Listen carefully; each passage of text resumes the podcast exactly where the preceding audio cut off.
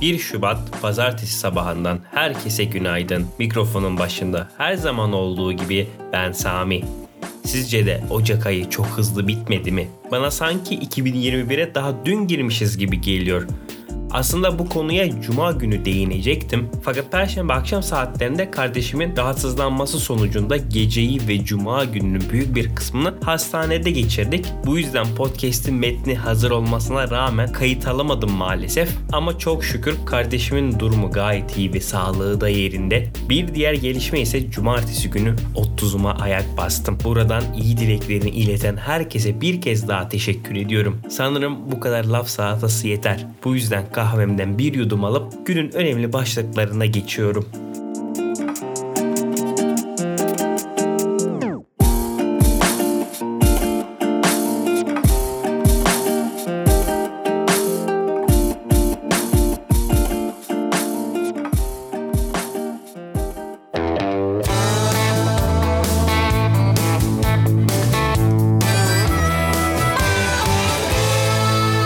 İletişime zam Türkiye gıda fiyatlarındaki artışı tartışırken telefon konuşmaları, internet ücretleri ve kablolu televizyon yayınlarından alınan özel iletişim vergisi 30 Ocak gecesi %7,5'tan %10'a çıkartıldı. Özellikle son bir yılda pandemi koşulları nedeniyle vatandaşın internet ve iletişim harcamaları yükseldiği bir ortamda bu vergi artışı tepki çekti. Özel iletişim vergisine yapılan bu artış 100 TL'lik bir faturada önceki dönemde KDV ve OİV toplam bedeli olan 20,32 TL'yi 21,88 TL'ye çıkaracak. Yani bu artış 100 TL'lik faturada 1,56 yani bu artış 100 TL'lik bir faturada 1 lira 56 kuruş zam olarak vatandaşın iletişim maliyetini artıracak. Türkiye'de ortalama fatura tutarı 60 TL olduğu düşünüldüğünde de her vatandaşın cebinden ayda 1 TL daha fazla çıkacak. Diğer yandan bu kararla devre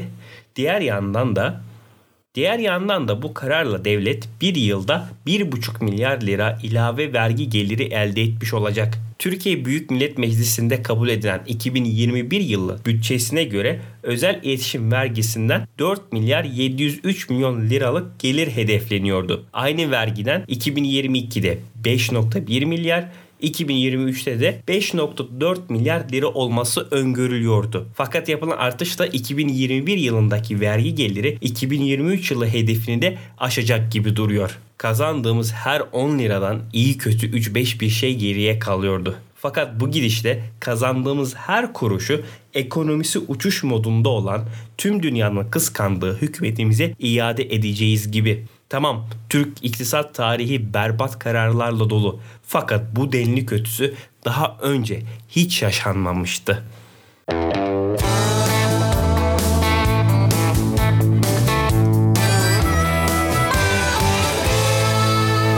Aşı adayı daha ABD'li ilaç şirketi Johnson Johnson'ın iştirakı Janssen firmasının COVID-19 aşı adayının hastalığı önlemede %66 oranında başarılı olduğu bildirildi. Şirket 44 bin gönüllünün katıldığı 3. aşama klinik denemelerin erken sonuçlarını açıkladı. Tek dozluk aşı adayının orta ve ileri düzeyde hastalık belirtilerini önlemede %66, en ağır semptomları önlemede ise %85 başarı sağladığı belirtildi. Şirketin küresel araştırma birimi başkanı Dr. Matay Mamnen tek doz aşı uygulanan deneklerden hiçbirinin 28 günlük evrenin ardından virüse bağlı rahatsızlıklardan hastaneye kaldırılmadığı veya hayatını kaybetmediğini ifade etti. Mamnen aşı yapıldıktan sonra Covid-19'a yakalanan deneklerin tümünün hastalığı hafif semptomlarla atlattığını söyledi. Aşı adayının acil konulum onayı için gelecek hafta ABD İlaç ve Gıda İdaresi ile dünyadaki farklı düzenleyici kurumlara başvurulacağı belirtildi. Öte yandan klinik denemenin sonuçlarının ülkelere göre farklılık göstermesi dikkat çekti aşı adayı orta ve ileri düzeydeki hastalık belirtilerini önlemede ABD'de %72, virüsün mutasyona uğrayarak daha hızlı yayılan tipinin ortaya çıktığı Güney Afrika'da %57 etkinlik gösterdiği belirtildi. Aşı adayı iki doz uygulanan Pfizer-BioNTech, Moderna ve AstraZeneca-Oxford aşıları kadar yüksek koruma sağlamasa da dünya genelinde acil aşı ihtiyacına karşılık verebileceği öngörülüyor. Şirket AD26-CoV-S1 adını verdiği aşı adayı için 15 Temmuz'da Belçika ve ABD'de başladığı klinik denemeleri 23 Eylül'de 3. aşamaya taşımıştı.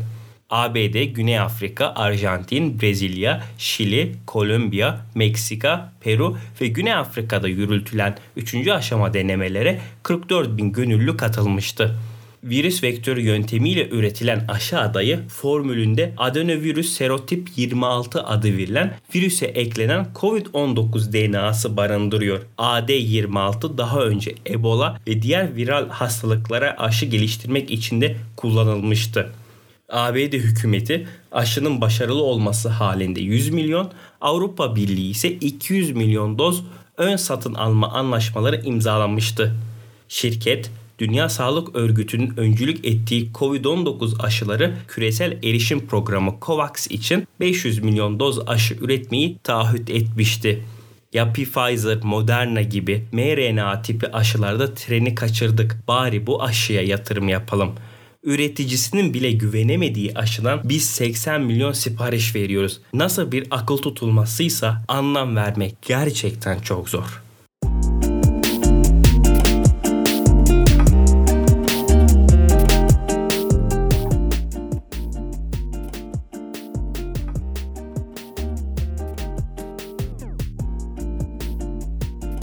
Evet sevgili dinleyiciler, böylelikle Şubat'ın ilk podcast'inin sonuna ufaktan gelmiş bulunmaktayız. Ama kaydı bitirmeden size birkaç gelişmeden bahsetmem lazım.